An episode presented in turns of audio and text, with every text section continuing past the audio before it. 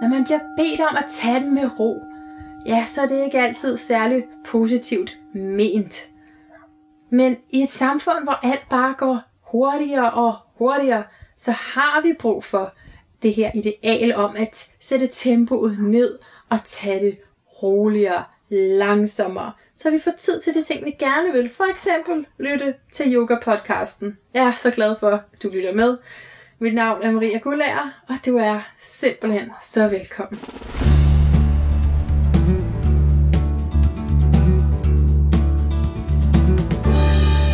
Udsendelsen i dag skal handle om, når yoga fører til et langsomt liv.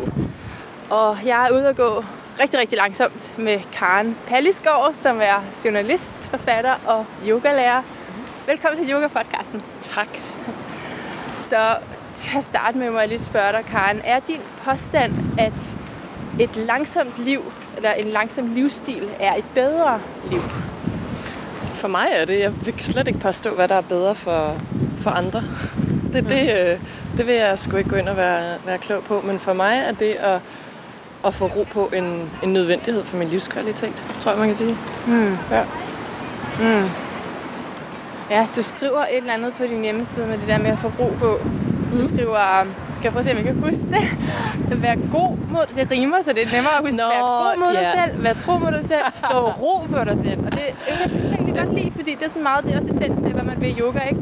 Altså, sådan Altså, egentlig. hvis, hvis du skal tage den helt tilbage til sådan noget Patan- Patanjali, som jo sagde, eller i hvert fald ifølge teksterne, som vi har fået dem overleveret, så, så, øh, så er, er en af yogas formål jo, det er at, at stille sindets bevægelser. Ikke? Og det handler jo også om at blive, blive stille. Og det er derfra, vi kan finde ind i meditation. Og det er i hvert fald min personlige erfaring, at det, at det er der, det er sjovest at leve livet fra Mm. når tingene bliver stille og roligt, og jeg oplever virkelig en stor efterspørgsel blandt dem, jeg underviser i, øh, i yoga, på at det skal gå langsommere og langsommere. Altså, yogaen skal gå Ja. langsommere. Okay. Altså, for, for de simpelthen, altså, det, det er ofte, når folk har fået en rigtig lang afspænding til sidst, eller ja. Vi har lavet nogle meget beroligende åndedrætsøvelser, sådan noget, du kommer ud, kommer sådan helt salig ud af stillingen bagefter, Ja, bare ja. sådan lidt, wow, det var virkelig lækkert. Fordi... Det vidste jeg ikke, jeg havde brug for. Øh, Gud, var jeg øh, rolig nu. Ikke? Fordi det var en kontrast til, Det er det jo til, til, til det vilde til det, man kan kalde accelerationssamfundet. Skal vi sidde ned? Ja, Ja. ja, lad os lige det, så der ikke kommer så meget vind. ja. Åh, oh, det var også hårdt. Ej, jeg synes faktisk, altså det er krævende at gå langsomt. Og, men ja, nu siger du acceleration, accelerationssamfund. Ja. Jeg tænker, har nogle gode sager om det også er, altså om det også taler ind i den, en kritik af, af hele, altså, øh, højhastighedssamfund. Ja, og er det, helt sikkert. Det, det, er det også, ja. Helt sikkert. Altså, jeg tror simpelthen ikke, at det moderne menneskes nervesystem er gearet til at, øh, at skulle køre så hurtigt hele tiden og være så super effektiv. Man kan også bare se det, hvordan folk har, har taget arbejdspressen med sig ind i fritiden. Der kan det også være virkelig svært bare at skulle ligge en hel søndag uden at lave noget. Men man kan jo hele tiden lige vaske tøj, eller man skal også have en brunchhotel, eller man skal have øh, alt muligt andet presset ind i sin kalender. Ikke? Så, så det min erfaring er, at, at det er så svært for os at give os lov til ikke at lave noget. Og det er også, altså, jeg har interviewet øh, den sådan internationale slow godfather, som øh, en, en kanadisk prisvindende øh, journalist, der hedder Carl Honoré, som har skrevet flere bøger om, om emnet, og, og virkelig studeret The Slow Movement gennem mange år. Og han, han siger også den her med, at, at vi har gjort fart til noget sexet. Det er noget spændende. Det er noget, man honorerer. Ikke? De er effektive, de hurtige, det er sgu dem, der er de seje. Ja, Og på den måde kan det at være langsom virkelig godt have sådan et stort skygge, en stor, nogle, nogle store skyggeord som, som kedelig og sløv og doven. Ja. Og der er noget, man ikke gider at være, så er det sgu da doven ja. og kedelig og Ja. sløv. Det ironiske er, hvis man tager det ind i arbejdssammenhæng, så, så er det ofte dem, som rent faktisk formår at sænke farten en, en lille smule. Og her der taler jeg jo ikke kun om den fysiske fart. Det er jo ikke, fordi du skal gå med museskridt. Det er slet ikke på den Nej, måde. Det skal jo se i et, i et større perspektiv. Ikke? ja. Men helt lidt til sådan noget med at koncentrere sig om en arbejdsopgave om af gangen og fokusere mm. på den og ikke multitaske. Og, Det, det er sjovt jo- nok aldrig det, de er yoga. skriver i arbejdsopslagene, eller jobopslagene. ja, der skal du være robust. Ja, ja, du skal Omstillingsparat. huske, at du skal kunne multitaske, synes jeg, de så står. Du har det flere bolde i ja. luften og sådan Ja. noget, ikke? Og det er, vores øh, hjerne har jeg slet ikke godt af at, øh, at arbejde på den måde, viser alt ny forskning også. Øh, nå, men min pointe er, ja. Så bare det med, at, øh, at det faktisk er lidt ironisk, at når man så først begynder at, at sænke farten en smule, så bliver man sjovt nok mere effektiv. Altså det er det ironiske af det. Så synes jeg, man, altså man bliver mere effektiv, hvis man kaster sig over en. Åbenlyst. Du laver færre fejl. Du bliver mindre stresset. Du kan koncentrere dig bedre. Du er mere nærværende i dem, du kommunikerer med i dit arbejde. Og sådan, ikke?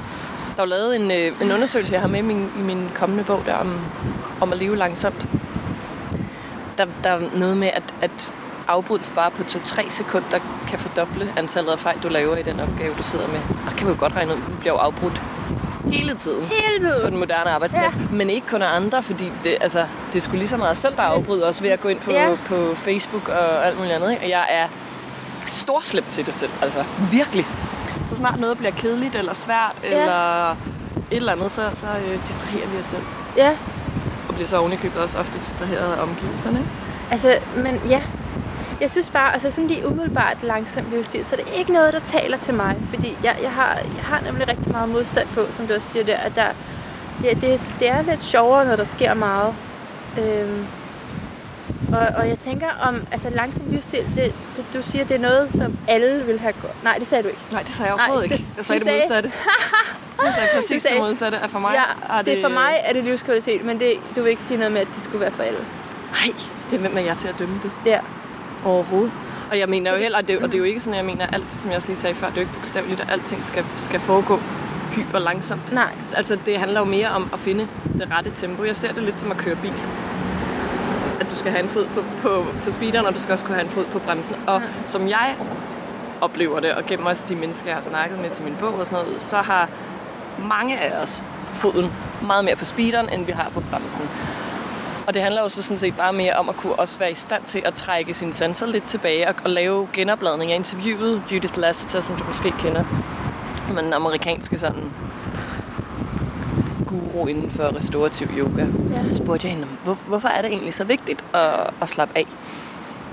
Og hun sådan siger, det er ikke vigtigt, så siger hun, det er livsvigtigt. Nej, hun siger, det er imperativt. Ja. Det er alt afgørende. Ja. Fordi hun siger, at det moderne menneske simpelthen nedbryder sine egne biologiske rytmer, ja. fordi vi bare er så meget i overload. Og det er også det, jeg siger lige før. Det er meget nemmere at elske det hurtige. Ja, præcis.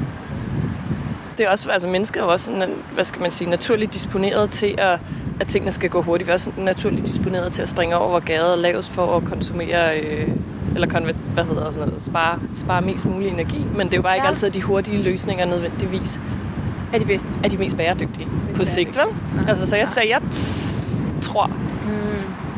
at en mere langtidsholdbar løsning er, er langsom.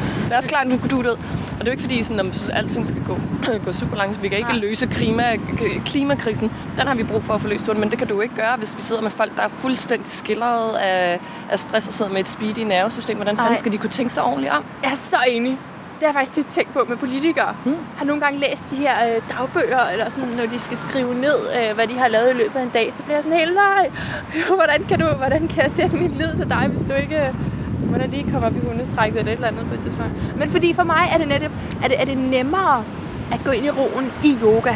Og i, hvis jeg siger, nu, nu skal vi meditere. Det er, det er udfordrende, men det er stadigvæk nemmere, end at tænke, at hele mit liv skal gå langsomt. Ja, øh, det tror jeg heller ikke, du skal så, tænke, nej, at det skal. Nej. Men det er at give plads til åndehuller, og det der er meget få, der gør for dig, at det så er yoga og meditation. Mm. Jeg interviewede Søren Brinkmann til min bog, ja. som sagde, at, at det er jo lidt sjovt det her med, at, at yoga og meditation er ligesom blevet legale øh, måder at, at bare sidde og stige ud i luften. Ikke? Ja. Det var jo det, man kunne gøre i gamle. Altså i virkeligheden, det der med at sidde og stige op i et træ og se, hvordan ja. vinden bevæger bladene og sådan noget. Ikke? Og, og for nogen er det, er det yoga, det er det jo også for mig.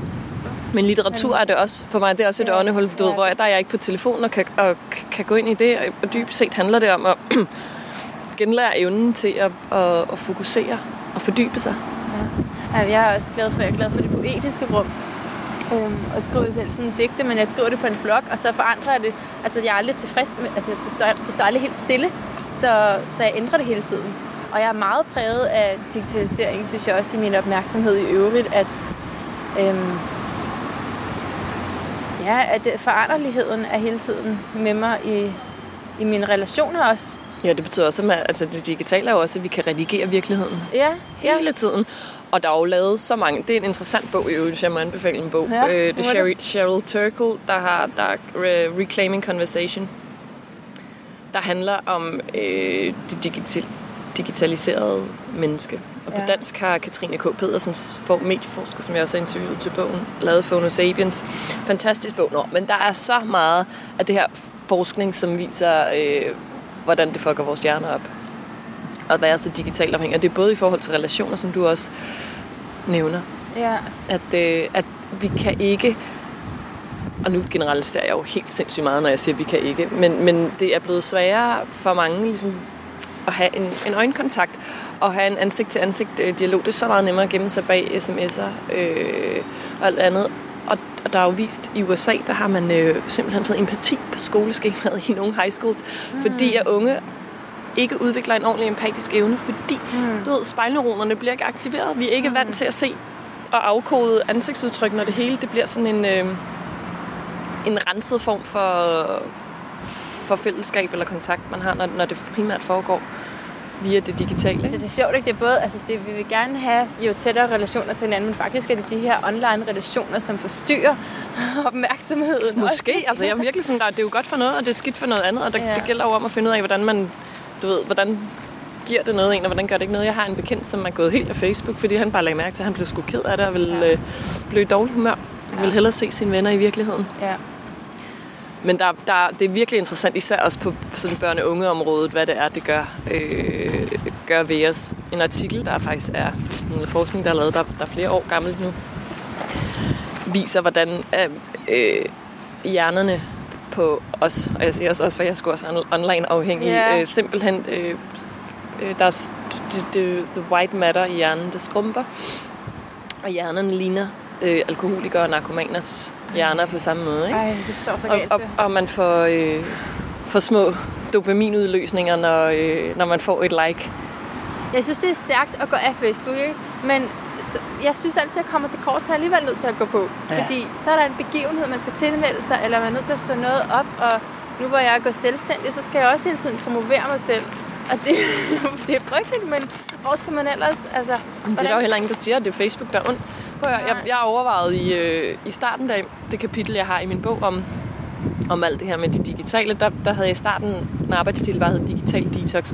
Bup, fjern dig fra det, ikke? Eller tag, tag en, en break fra det. Mm. Men ændrede det til, til styr din skærmtid, fordi det er jo ikke teknologien, der per definition er ond. Mm. Eller noget som helst. Det handler simpelthen om, hvordan man selv, selv styrer den.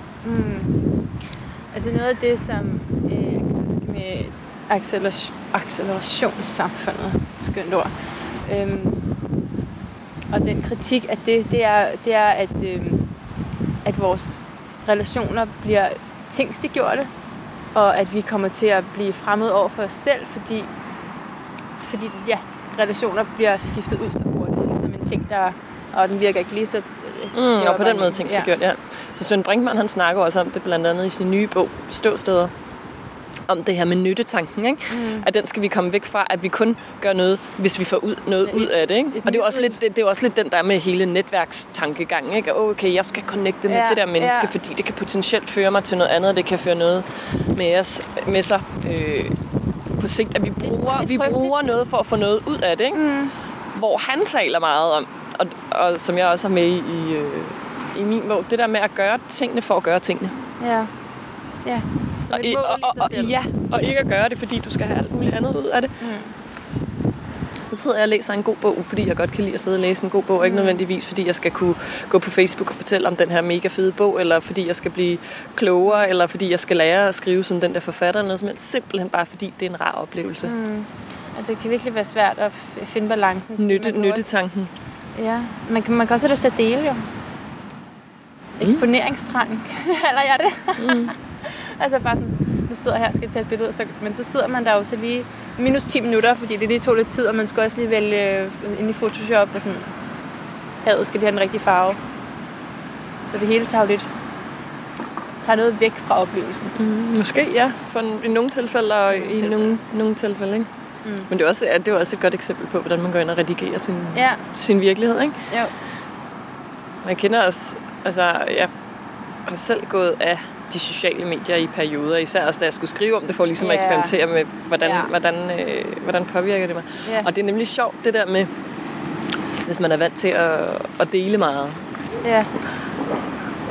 Altså lige pludselig ikke gør det, så kan det Ja. ja. næsten blive som om, "Nå, men så talte oplevelsen skulle egentlig ikke så meget, når det bare var mig, der sad og kiggede på det der kedelige hav Der er alene. ikke nogen, der ved, jeg er her. Og det er altså, det er sgu, øh, det er en rimelig fucked up ting, synes jeg. Så det var, Ja. det var ret interessant at, Ja. at gøre det. Og så finde ud af, nogle ting kan man jo også bare dele med sin kæreste eller Ja. sin mor. Det, be- altså bare fordi du har en holdning, behøver du så nødvendigvis at råbe ud til hele Nej. verden, eller ej. Jeg, jeg ved det ikke. I nogle tilfælde ja, i nogle tilfælde ej, måske. Men så faktisk, så synes jeg, jeg ser... Øhm, så jeg, jeg vil læse op på et tidspunkt noget, du har skrevet, hvor du skriver noget med, at du i hver en pause er på tager på kaffeaftaler, eller prøver sådan at mødes Ah, ja, med, ja, med ja, venner, ja. ikke? Det var inden jeg gik Og- ned med stress. Og for mig så tænker jeg, det, har jeg, det tror jeg også, jeg har gjort en gang, især før jeg fik børn. Men, men nu er det faktisk øh, de der pauser, så skal jeg lige skrive en e-mail. Og jeg skal lige... Øh, s- øh, og der er en øh, anmodning om venskab, hvem er det? Tjek hans billeder. altså, der er sådan nogle ting, der mm. hele tiden sker. Og, og det er faktisk efterhånden altså, ret sjældent, at, øh, at jeg ser venner i virkeligheden. Ja. altså sådan i forhold til, hvor meget jeg Ja. skriver øh, med folk online, ikke? Jeg lavede, holdt et foredrag for nylig, præcis også om, og, om det der, hvor jeg havde lavet, og jeg er slet ikke sådan en, der kan matematik overhovedet. Men så havde jeg stillet 902 stod der på den ene, og så var der sådan noget, du ved, sådan mindre end tegn, og så fem på den anden side, og så var jeg sådan lidt, okay, er der nogen af jer, der kan knække den her kode? Og det var der jo naturligvis ikke, fordi hvordan kan 5 være, være større end 902, ikke? Og Ja. der var min tanke nemlig. Jeg gik ind og så, hvor, hvor mange venner har jeg på Facebook, og jeg har barberet det rigtig, rigtig meget ned. Fordi jeg på et tidspunkt også bare sagde ja Du har til sorteret alt. ud i folk, eller hvad? Det har jeg. Ja. Og lige pludselig, jeg tog imod alt, der ligesom kunne kravle og gå på sådan, ja, ja, hvis du gerne vil være ven med mig, så skal vi da være det. Ja, man bliver lidt glad. Og så, så så jeg sådan om, hvor mange der... Det er så det, der er åbenbart, at jeg er venner med nu. Ni- 902, ikke? Jeg kender jo overhovedet ikke størstedelen af dem, skulle jeg til at sige. Øh, og så tænker jeg sådan, okay, og hvem er egentlig, egentlig mine virkelige venner? Hvem vil jeg ringe til, hvis, øh, hvis lokummet brændte på? Ikke? Og der er fem, fem, som jeg betragter som mine Ja. egentlige, Ja, egentlige venner, som kender mig ordentligt. ja. Og så tænker jeg, okay, hvem bruger jeg egentlig mest tid på? Det gør jeg sgu da på de der 902 inde på det der svage blå, blå side. Ikke? Og hvor ens virkelige venner bliver sådan noget så klemt, fordi vi alle sammen har børn og Ja, har travle liv og så videre, ja. så videre. Og så bliver det noget, man kan klemme ind i en kaffeaftale Ja. om, om tre uger, ikke? hvor man lige hurtigt tjekker Ja. ind i hinandens liv og sådan, "Nå, jamen, jamen, godt, du har det også godt videre. Væk, så ses vi igen om en måned eller et eller andet. Ikke? ja. ja. Og især også fordi telefonsamtalen er sgu også ved at, at forsvinde. Ikke? At det hele er kørtet ned til, til de der sms'er eller Facebook. Ikke? ja. Det er lidt sjovt, når man tænker over, hvad sms stod for. Det, stod, det står for Short Message Ja, det kan System. jeg ikke ikke? overholde. Det kan jeg ikke overholde. Og folk bliver så irriteret, når jeg skriver langt, men jeg synes bare, jeg har bare brug for at altså, skrive mere end bare sådan. Ja, ja, men det er jo bare, skriver ret lange sms'er. at mediet måske ikke var, egentlig var tænkt til det Nej, oprindeligt. ikke? nej. I don't know. Skal jeg lige læse det der op for din bog? Fordi, ja, altså, det er så den gamle. Den gamle Den gamle, gamle. forældede, men det er den jo heldigvis ikke. Men fordi du, du skriver nemlig på et tidspunkt om, da du havde for meget at lave, kan man vel godt sige. Måske Ja. i hvert fald håndteret det på en... Det er det. Det var det der med at løbe stærkt, hvor, hvor jeg så ligesom har fundet ud af, det er sgu bedre for mig at gå langsomt, end, end at løbe som sådan en høne uden hoved på. Ja, klart. Jeg lige læse om det her. Man skulle tro, at man godt selv ved, at man er stresset, når man er det. Men for mange kan stressen have været en del af livet så længe, at man betragter den som normal tilstand. Sådan hang det sammen for mig til at starte med. Jeg var i så vildt overlevelsesmodus, at jeg valgte at overhøre alle alarmklokker og nægtede at erkende, at jeg var sådan en, der kunne blive stresset. Imponerende dumt, for klokkerne bimlede og bamlede for fuld udblæsning. Jeg væltede rundt i en skæv virkelighed, hvor jeg var sikker på, at jeg ville blive fyret, hvis jeg sygemeldte mig, selvom jeg efterhånden havde kronisk influenza. Jeg var ved at blive skilt, hvilket er top 3 over de mest stressende ting, du kan gennemleve.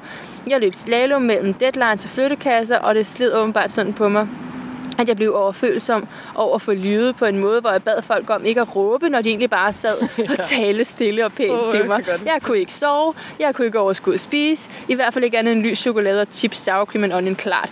Min fordøjelse stoppede, og jeg sov i ske med min iPhone det var jo vigtigt at kunne læse mails og komme på Facebook midt om natten. Jeg var skiftevis så hissig, at jeg kunne finde på at sparke huller i døren, og så grødlabil, at jeg kunne bryde sammen over udsolgt kold skål i netto. Jeg følte mig kvalt, når jeg trak vejret. Jeg skal nok snart stoppe.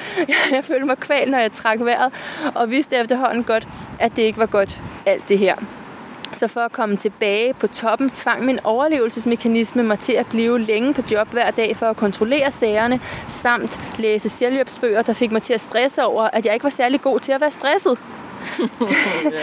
Derfor begyndte jeg at lave strategier og to-do-lister øh, over, hvor sundt jeg kunne spise, hvor meget jeg skulle meditere, og hvor ofte jeg løb lange ture. Og det var sådan en dag, det gik det var sådan en dag, at det gik galt. Eller godt i virkeligheden. Og, ja. og så, så får du lov at sige noget. Hvorfor gik det godt i virkeligheden? Ej, det er sjovt, når du, når du sidder og læser det op. Ikke? Nu er det jo mange ja. år siden, men jeg kan ja. virkelig bare, jeg kan mærke det i kroppen. Ja. Ja. Hvor virkelig ubehageligt det, øh, det var den der klaustrofobiske ja. følelse i åndedrættet af ikke at kunne være i mig selv.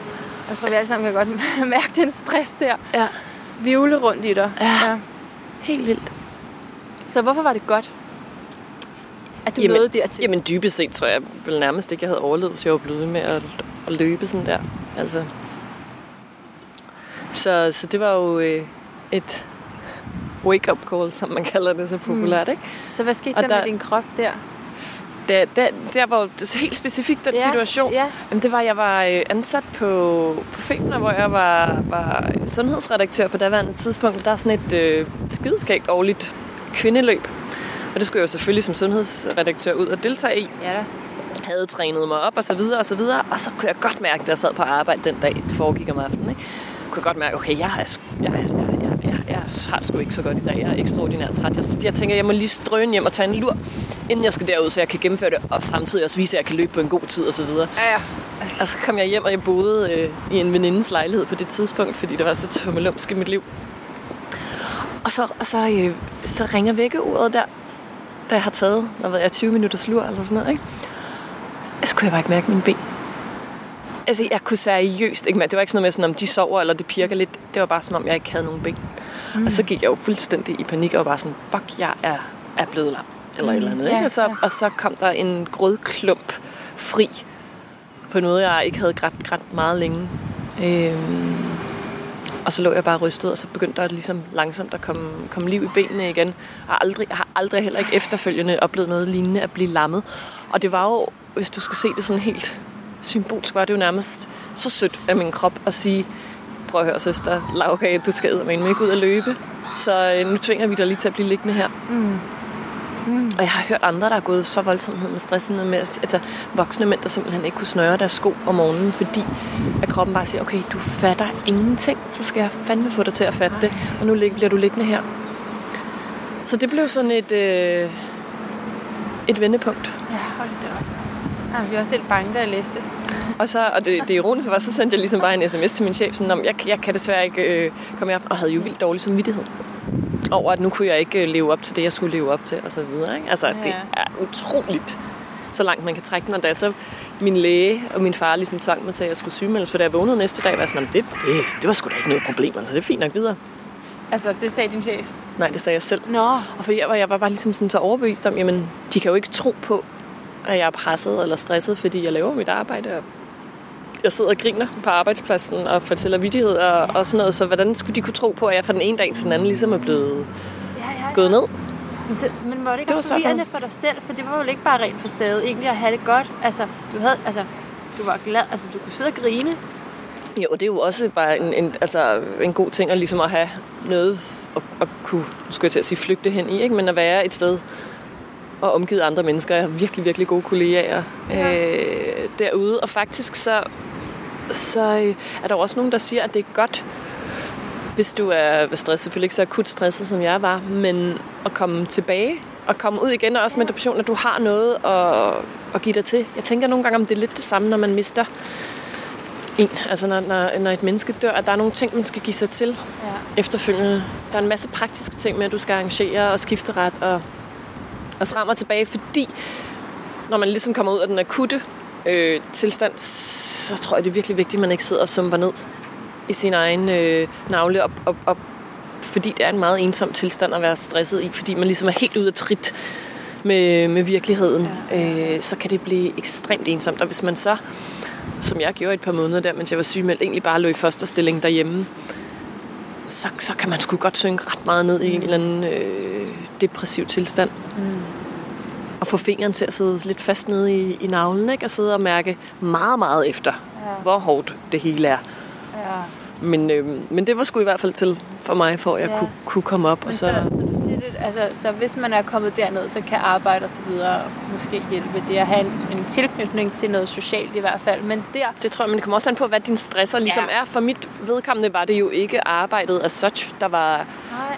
Der fik mig ned med næring. Det var jo hele Altså, du kan sige, det, det, det, det tilløb, jeg har taget hele vejen op til. Ja. Ikke? Og så mine personlige omstændigheder, som, som var stressende i sig selv. Og det er jo ja. sjældent, tror jeg, at det er antallet af arbejdsopgaver på, ja, ja.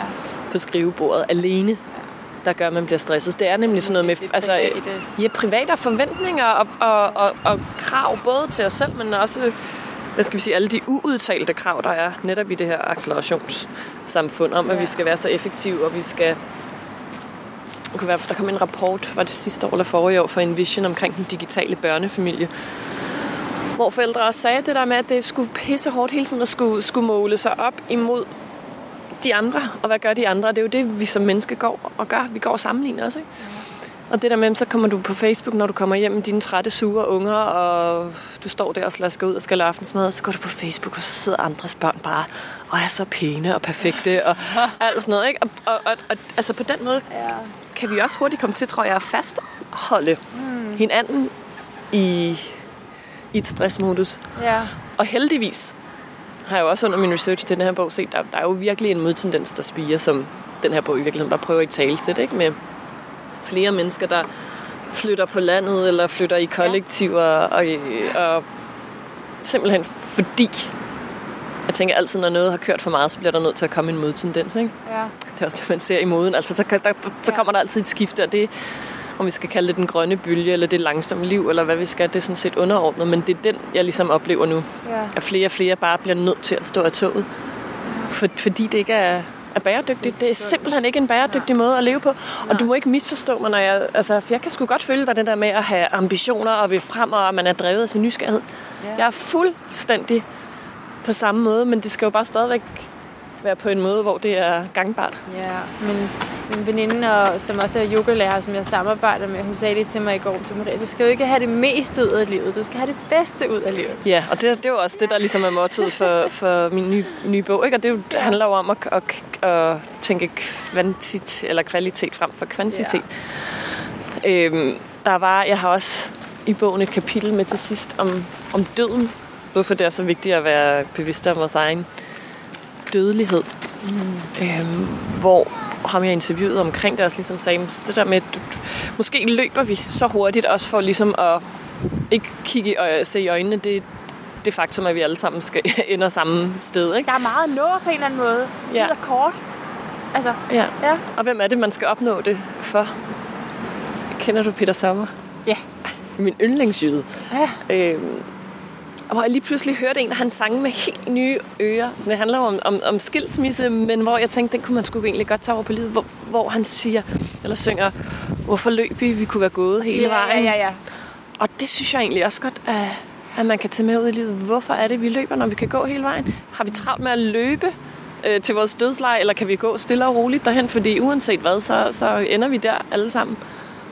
Og dem, der løber hurtigere, når det nok døden hurtigere. Og der kan du også, hvis man skal gå ind og se sådan rent stressmæssigt og, og helbredsmæssigt på det, ikke? Så, så dem, som ligger under for stress eller bliver ramt af, af alvorlig stress, det har jo også virkelig, virkelig sindssyge øh, helbredskonsekvenser, ikke? Yes. Og livsforkortende. Mm. Så der kan man måske hive livet lidt i, i halen på den anden måde. Lidt tilbage til noget, du, du, du sagde før, det her med, at du sidder og griner på arbejdsplads. Bare fordi jeg forestiller mig det, ikke? Og jeg kan sagtens sætte mig ind i den der dobbelthed, øh, man kan have, når man føler alt muligt. Ikke nødvendigvis stress, det kan være alle mulige andre følelser, ikke? Øh, med at man egentlig har det godt lige nu, men så mm. foregår der noget derinde. Altså, så hvornår ved man... Som man jo ikke kigger på. Nej, og som andre så derfor heller ikke kan se, fordi mm. man ikke lige har lagt frem, måske ja. heller ikke for sig selv. Så hvornår ved man, at nu er det for meget, og nu skal man faktisk til at give ned? Hvad, hvad, hvad er signalerne? Altså, der er jeg tror godt, Facebook jeg meget, tror godt, du selv ved det. Ja. når det er. Men så er det jo så, hvornår man vælger at lytte på det. Ja. ud fra det, du læste op før, kan jeg da i hvert fald ja. godt høre på mig selv. at jeg ikke vidste. Og det, ja. det, det kommer jo i, i form af mange øh, udtryk. For nogle er det søvnløshed. For nogle er det øh, overdrevet brug af kaffe eller andre øh, sjove mm. stimulanser. Nogle er det aggressioner over for mennesker, de godt kan lide, eller aggressioner i trafikken. For nogle er det hovedpine. Det er, altså, det, ja. det, det, det, det, ja. I virkeligheden er det spændinger, og hvordan kommer de ud, og hvordan manifesteres de så? For nogle er det, er det kropsligt, for andre er det mentalt. Øh, det kan også være, du ved, det der med slet ikke at, at vil se selv, så kan man se fejlene i, i alle andre, ikke? At blive, øh, blive hissig på dem. Ja. I stedet for at tjekke. Så, så det ved jeg sgu ikke, om man kan, om man kan sige generelt måske kan man sige, når man, når man fjerner sig fra den, man gerne vil være, og kan huske, at man har egentlig været sødere engang, eller noget i den stil. Altså.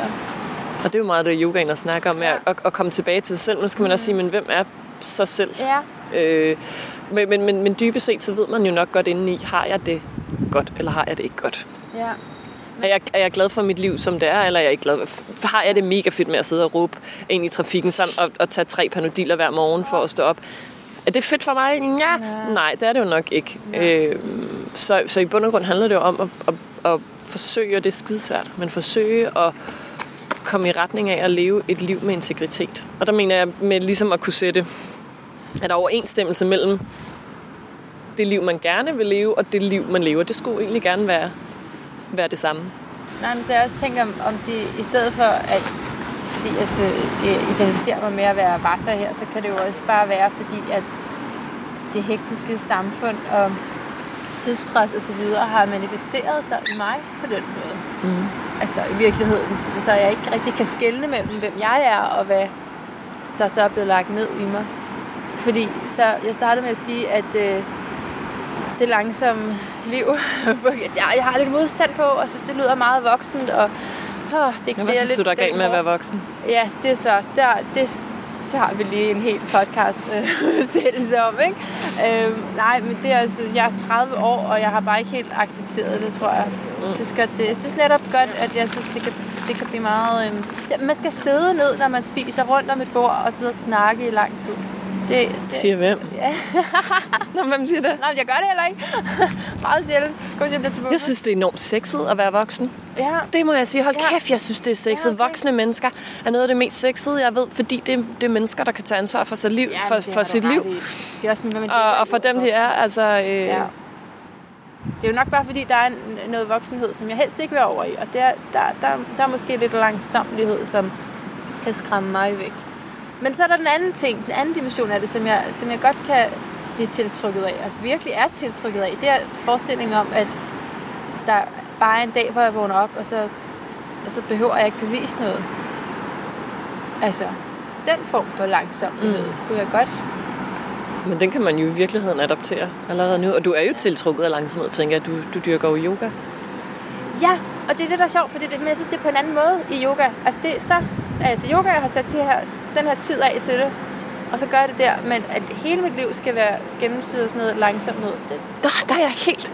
Og jeg kan jo selvfølgelig ikke være uenig i, hvordan du har det, men jeg synes da netop, at man går på yogamotten for at øve sig i livet. Jo, det er rigtigt. Og det er jo ikke bare sådan, altså, øh, hvad, hvad skal yogaen til for, hvis det er noget, du tjekker ind, ind og gør halvanden time nej. torsdag aften hver anden uge? Nej, nej. Altså, jeg tænker netop, at det jo netop er for at kultivere og blive endnu øh, bedre til at, ja. at leve sit liv og tage nogle af alle nogle af den der helt dybe visdom, som yogaen har. Det er den, vi har brug for ude i virkeligheden. Det er den, verden jeg har synes, brug for. Jeg synes, at den, kan, øh, den for eksempel åndedrættet og opmærksomhedstræningen, der er i det, kan hjælpe mig til alle de mange ting, jeg skal. Mm. Helt sikkert. Til, til travlheden. Mm. Det ruster mig til... Det er jeg helt enig i. Til at skulle mange ting. Og det behøver man jo ikke kun at træne på sin, på sin yogamat. Det kan du også stå nede i Netto og gøre, når man er ved at eksplodere over, de ikke åbner en kasse til. Så kan man stå og trække vejret roligt i stedet ja. for. Ja. Helt sikkert, og det er jo også det, jeg, jeg, jeg snakkede med Simon Kron om det, som også øh, er, er med i Langsom Livsstilbogen, som også snakker om det her med, at, at yoga for mange i dag jo ligesom er blevet stresshåndtering eller stressforebyggende, ikke? at det netop er et redskab til, eller er blevet et redskab til, sådan, så kan jeg gå ud og klare alle mine andre travle ting, men at man måske kan kigge på at komme niveauet dybere ned og sige, men hvad er det så egentlig yogaen lærer mig og fortæller mig, hvordan kan jeg bruge det ude i mit liv, i stedet for bare at sige, så løber jeg bare lidt stærkere nu, hvor jeg har lært at, at trække vejret på en anden måde. vi er jo her i det her samfund, og skal finde ud af at blive forsørget. Ikke? Altså leve og spise og, og være til og, få en, og tjene nogle penge. Mm. Så hvordan gør man det? I langsomt. Kan man det? Tager Hvorfor det kan man ikke trække vejret roligt, i stedet for at trække det hurtigt, mens man sidder på sin arbejdsplads? Den var også god. Nå, nå, jeg mener, det, er, det er jo ikke, altså igen, det er jo ikke en livsomvæltende øh, ting, jeg snakker om, det der med at tage det en lille smule roligere.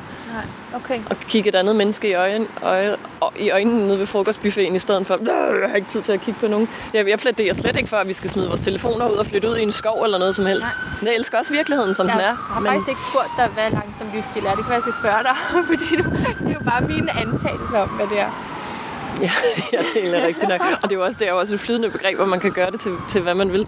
For mig er det titlen på, på en bog, som jeg har skrevet, hvor jeg har udforsket den internationale slow movement og snakket med en masse, masse kloge mennesker om kunsten at få ro på.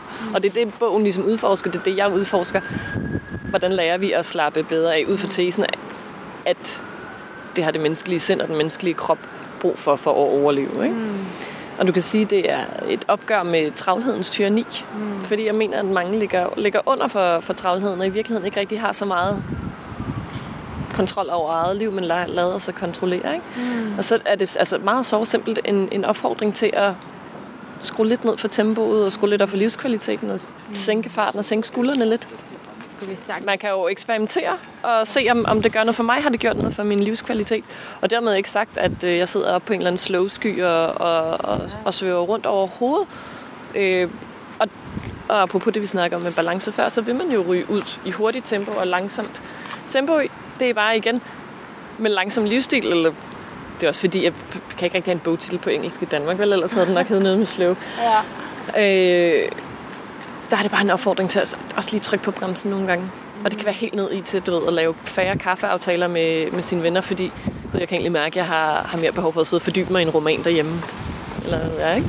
Mm. Så, så lidt det samme. Altså på en måde er det yoga uden for, for yogamotten. Ja, ja, ja. Yoga, ja, yoga, yoga, yoga ude i hverdagen. Hverdags, ja. Hverdagsyoga kunne vi også kalde langsom livsstil. Jamen, altså, jeg synes faktisk, det lyder virkelig godt. Jeg vil bare lige fortælle dig sådan min umiddelbare modstand mod det. Ikke? Men når der er en modstand, så er det også tit, fordi det er lidt også sjovt. Hvad, hvad, hvad er det, du gerne vil have ud af, for eksempel? Hvad, hvad, hvad vil du gerne give dine yoga-elever? Mm. Ro og flow og afspænding. Altså, jeg synes, der sker så meget under afspænding. Ja, men det synes jeg så, altså, det er jo så bare ret sjovt, hvis du siger, men, men du har jo egentlig modstand. Ja, modstand, på jamen det. på, på hvis, hvis alt i mit liv skulle, fordi, fordi jeg laver mange ting, og, og trives med, at der sker meget hele tiden. Ja, men det er også fantastisk, hvis du trives. Ja. Altså, min bog henvender sig heller ikke til folk, som elsker livet i overhalingsbanen og bare synes, det er for fedt med høj puls og sved på panden hele tiden. Det, den, den taler jo til mennesker, som ikke har det på, på den måde. Ikke? Ja. Som simpelthen tænker sådan, okay, jeg kunne sgu godt tænke mig at komme i nærkontakt med mit åndedræt igen og, øh, og sænke skuldrene en lille smule og synes, at, at livet går for hurtigt, at de er... Altså, vi er så mange mennesker, der, der, der døjer med søvnløshed og med stress, og bare, altså seriøst bare det at, at finde tid til mm. det, som man synes er det væsentlige i livet. Ikke? Ja. Mange, mange kender jeg i hvert fald i min nære bekendtskabskreds, ikke? At, øh, at folk vil ønske, at de havde lidt mere tid med deres børn, eller de vil ønske, at de havde tid til at gå til yoga eller et eller andet. Ikke? Så, altså, så noget også med måske at, at opfordre lidt til at kigge på, hvordan man prioriterer Men jeg sine bare... ting. Og, og, og, og, og, og ud fra tesen, altså, at nogle gange er mindre mere. Ja. Less is more. Ja. Less small, som vi siger. Ja. ja men... At færre aftaler kan give bedre kvalitetsaftaler med dem, du så rent faktisk prioriterer at være Ej, sammen med. det er jeg helt enig i. Fuldstændig. Det er det, altså, og, og, nu spurgte du, hvad er langsom livsstil? Ja. Så, så kan det være, at det er langsom livsstil ja. for dig at, at okay. lave omprioritering okay. på den måde. Jeg har ikke sådan en, en uh, faseliste, fordi vil jeg gerne understrege, at jeg generelt er rigtig meget imod kollektive faselister. Ja. Øh, og jeg er slet ikke i nogen position, jeg synes ikke, der er nogen, der er i nogen position til at sige, hvordan andre skal leve. Så, så, så bogen er egentlig bare en opfordring til ro og til refleksion. Mm. Og så kan man jo tage den derfra og sige sådan, hmm, okay, bollocks, det kan jeg ikke lige noget af det der, jeg løber videre. Eller sådan, ja, det er sgu egentlig meget interessant. Øh, det der, hvordan kan jeg bruge det i mit eget liv? Og det kan være, om det er at trække vejret roligere, om det er at sætte sig ned og læse en bog, om det er at gå ud i naturen. Jeg undersøger jo de her forskellige ting. For eksempel naturen. Hvorfor er det godt for os at være i naturen? Mm. Hvad sker der, når vi ikke er i naturen? Der er noget, der hedder Nature Deficit Disorder, for eksempel, hvor man har studeret børn, der simpelthen øh, får flere adfærdsvanskeligheder og bliver lettere stresset og deprimeret, hvis de ikke er, er nok i naturen. Ikke? Ja. Så, så, så der er forskellige punkter, jeg går ind og, eller områder af, af vores liv, jeg, jeg prøver er at, at, at, at, undersøge. Mm, nej, nej, det er bare børn, der ikke er nok i naturen. Ja, okay. Og det kan vel også være, om du bor i, jo uanset hvor. i, ja, ja. i, i provinsen. Ikke? Og den der nye fantastiske bog, der er kæmpe bestseller, Træernes Hemmelige Liv, som også viser, altså, hvor godt det er for os at være i naturen, men det der med, hvordan træer kommunikerer. Og i Japan, der har man et, et udtryk, og nu må du undskylde mig, for jeg kan ikke udtale på japansk, men jeg tror, det hedder noget ala Shinrin-yoko, Ja, det tror jeg. øh, som, som betyder skovbad. Som simpelthen er en praksis, hvor man sætter sig ud i skoven og suger den stimuli til sig, bliver genopladet. Går i bad. Nej, altså, Ja, du går jo ikke i bad. Men du sidder i skoven, og så ligesom bader dig i, øh, Ja. Sansindtryk. og- ja, i alt det, som fordi at, at træerne simpelthen afgiver stoffer, som, som har en afstressende effekt på mennesket. Ej, jeg har virkelig også Jeg, jeg, har, jeg har interviewet øh, du ved, tv-lægen Peter Kortrup Geisling i bogen, Ja, som ved ret meget om det her. Ikke? Jeg har en masse forskning på, hvorfor vi har brug for det er at, naturen. ja, Okay. at opholde, opholde os i naturen. Så det er også et kapitel. Ikke? Der er sådan, jeg udforsker forskellige kapitler, så det med det digitale også simpelthen for forskningen bag, hvad gør det ved os? Og igen er det jo ikke for at sige, jamen, så skal du smide din iPhone ud eller logge af Facebook. Nej. Så er, det, så er det for at sige sådan, okay, kan, er det her måske noget, du selv kan reflektere over, hvordan du har lyst til at bruge din telefon? Eller hvad ved jeg, ikke? Karl, på en eller anden måde gad jeg bare godt have, at du sagde, alle skal gøre det her. Og så gjorde vi det alle sammen. Fordi hvis det kun er nogen af os, Jamen, der så er, bliver vi sat udenfor, og vi altså, bliver sat udenfor. Jeg forstår ikke, hvad du mener. Nå, for eksempel på Facebook. Altså, det er jo, hvis nu alle gjorde det. Jamen, alle er sgu da ikke ens. Alle skal da ikke gøre det samme. Det mener jeg virkelig. Alle tog det lidt langsommere på arbejdet, og så videre. Så, så ville det måske... Nu, så du går, med, går, kædereaktion- går ind og taler mere om et kulturskifte. Ja, ja fordi... Men det, det, men det nogen, starter der jo så, nogen, ja, jo, jo, men du kan jo ikke have en, en højere magt, som siger, nu skal vi alle sammen gøre sådan her, så vi lever vi jo i diktatur. Men man kan jo starte med sig selv, og tage det lidt, lidt langsomt, og så håbe, at, at det smitter af på dem, man er omkring sig, og det kræver mod. Det kræver sgu mod at være, øh, at være langsom, fordi et, går imod kulturen, normen om at være at hurtighed er det bedste. Og så risikerer du også at blive kaldt øh, langsom, eller kedelig, eller sløv og doven. Og hvis det er nogle store skyggesider, så, så øh, kan det være, at det gør ondt, men at, at man, man må tage det på sig. Ikke? Mm. Jeg har et eksempel med i min bog, sådan afslutningsvis, hvordan jeg øh, en dag, nu har jeg så, du ved, flere måneder prøvet at leve langsomt, og shit, det er svært. Ja, ikke Men, også? øh, jo, Ej, jo. jeg er glad for, du siger. Nå, ja. Jo, jo, jo. Men så øvede jeg mig faktisk, fordi jeg har så lagt mærke til min datter, når hun er i klapvogn, og jeg skal have hende til at og, og sove i den. Ja. Når jeg går hurtigt, så får hun store øjne og sidder over, ja, så Ja, ja. bliver jeg på med det. Men når jeg skal have hende til at sove, så skal jeg gå enormt langsomt, og jeg skal gå gerne hen med noget grønt, så hun bare ser det samme monoton, og så falder hun i søvn. Nå, men så kom jeg gående ned ad Østerbrogade, som er relativt bred ude i økoghettoen, ikke? Så der er plads til, til både blomsterne og barnevognene og det hele. Og så går jeg med, med klapvogn og min datter der. Og på den anden side går en ældre dame, som sådan tøffer afsted, og sådan sammen med Matas tilbudskurve, så fylder vi lidt på fortaget, og så kommer der bare en kvinde, som lige så godt kunne have været mig, vil jeg lige sige, imod mig. Åh, og du kan bare se, hun har det der sådan helt øh, monotone dræberagtige blik, fordi hun har bare travlt, ikke? Og det, at vi går så langsomt, betyder, at hun skal stoppe op, stoppe op et til to sekunder Ja, af hendes liv, jeg ikke? står der og hop. Og så i det, hun går forbi mig, så råber hun lige ind i hovedet på mig. Så siger hun, du har godt nok ikke travlt, hva'? og blev så forskrækket, og så sagde jeg sådan helt venligt, sagde jeg sådan, nej, ved du, det har jeg faktisk ikke. Jeg skulle til at fortælle hende, jeg øver mig i at være langsom og sådan noget. Og så råbte hun bare tilbage, det kan jeg eddermane med godt se. Og mit barn begyndte at græde, og så, så faldt det ind, og så var jeg bare sådan, jamen tusind tak. Altså tak, fordi du godt kan se, at jeg prøver det der med at være langsom. Og det er bare for at sige det der med, det, det kan være dybt provokerende for nogen, Ja. at man gør det. Ja, vi er nødt til at gøre det alle sammen. Det gør... Ej, det er jo også, det er også lidt voldsomt, at hun sådan udbryder det. Godt nok. Jo, jo, men så hvis du er op, hvis, du, hvis, hvis man render rundt, og det gør mange, skulle rende rundt op Jo, i jo. sådan en high alert, Jo. så vi er sådan ligesom helt op, op øh, altså så reagerer man jo ikke fornuftigt, Nej, og k- særligt medmenneskeligt, og det var også det, vi snakkede om i starten der med Gud, men så dem, der, der egentlig tager de store beslutninger for os, hvis de alle sammen er oppe Ja. der og med rystende hånd og vrede øjne, Ja. hvis det ligesom er det, som, som landets beslutninger ja, bliver taget og på, sætter standarden. Og, Ja. Og det er det, vi skal stræbe efter, og det er også det, jeg mener med chefer. Og der er Karl Honoré, som jeg interviewet i bogen, øh, siger jo også, at der er heldigvis rigtig mange af de store øh, virksomheder, som, som jo indfører simpelthen oppefra ned e-mailfri dage og forbyder nærmest deres ansatte at tjekke e-mails derhjemme og sådan noget, fordi man simpelthen godt ved, det er ikke sundt. Det betaler sig ikke. De er jo selvfølgelig interesseret i, at deres medarbejdere ikke skal gå ned med, yeah. med stress, ikke? og derfor yeah. simpelthen godt kan se. Ja, der, han nævnte en dag en, en chef, der havde, øh, der havde lanceret sådan en slow e-mail kampagne, ikke? med at man kun tjekker mails så også meget, ikke? og okay. ikke bliver, bliver nødt til at sidde og føle sig tvunget af det hele tiden. Så, så på den måde, når du siger, at vi skal alle sammen gøre det, så kan man måske sige, at dem, som rent faktisk har en indflydelse, ja kan jo smitte positivt ja. af på. Hvis du for eksempel er, hvis du for eksempel er chefen, så tænker sådan, okay, hvordan kan du faktisk lave en, en bæredygtig kultur, hvor du opfordrer ja. til, at folk har det godt og tænker sig om og tager sig tid til at udvikle det. Også, også i den kreative branche, hvor jeg er mm. gennem journalistikken og sådan, så øh, er det overhovedet ikke kreativt.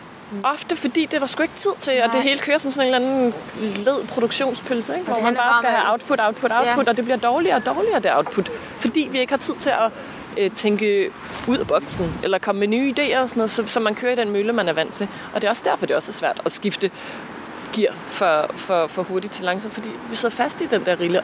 Og så snakker man jo også om en ny afhængighed, som hedder afhængighed af stress. Mm. At vi simpelthen er afhængige af det adrenalin rush, vi får, når kroppen øh, altså, pumper stresshormoner ud. Ikke? Altså får vi nogle belønninger der? Mm. Ja. Helt hormonelt, så bliver du belønnet, når du stresser, og derfor så kan det også simpelthen blive en, en afhængighed. Ja. Men man går glip af så meget. Og det føles fremmed at, at slappe af, ikke? Jo. Så, så det, er, det er ligesom at skulle på, øh, på afvænding og prøve at gå for, for hurtigt til langsomt. Og det er ikke noget, man skal gøre for evigt. Man kan også tage en uge mm. uden telefon, eller uden Facebook, eller et eller andet, hvad ved ja, jeg. Ikke? Men det er lidt interessant at prøve at se, hvorfor er det så svært? For det sgu klamt at være afhængig af, af noget på den der måde. Ikke? Og det kommer igen tilbage til min pointe med, hvem styrer hvem, eller hvad. Ikke? Er der andet, du lige skal sige, om hvor man kan finde dig henne, hvis man... Øh... Nå, er det reklamehjørnet ja, nu? nu er vi ved at runde af her, altså hvis du lige har et eller andet. Nej, jeg har en hjemmeside, der hedder karenpalniskov.com, mm. som jeg ikke opdaterer specielt meget, men, men der er events opdateret, hvis der er. Mm. man har lyst til at gå ind og se noget der. Og ellers nej, så bliver det nok mest i boghandlerne her i efteråret. Mm. Jeg kommer til at høre meget mere om det. Vil jeg glæde mig til. Tak fordi du ville snakke Tak Maria, tak.